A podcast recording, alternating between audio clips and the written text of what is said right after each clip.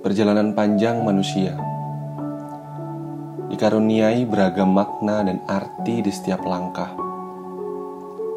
Tujuan akhir bukanlah yang utama, melainkan proses mencarilah yang akan menjadi penghargaan.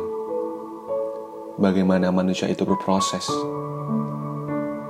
merisik makna adalah buah hasil dari berfungsinya indera pendengaran dan penglihatan.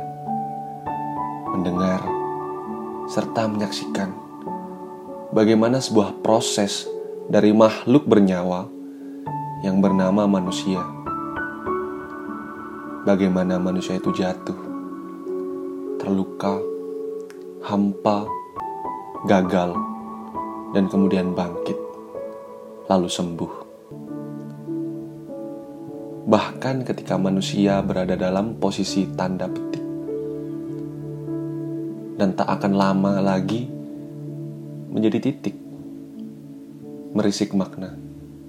Mari bersenggamba dengan cerita.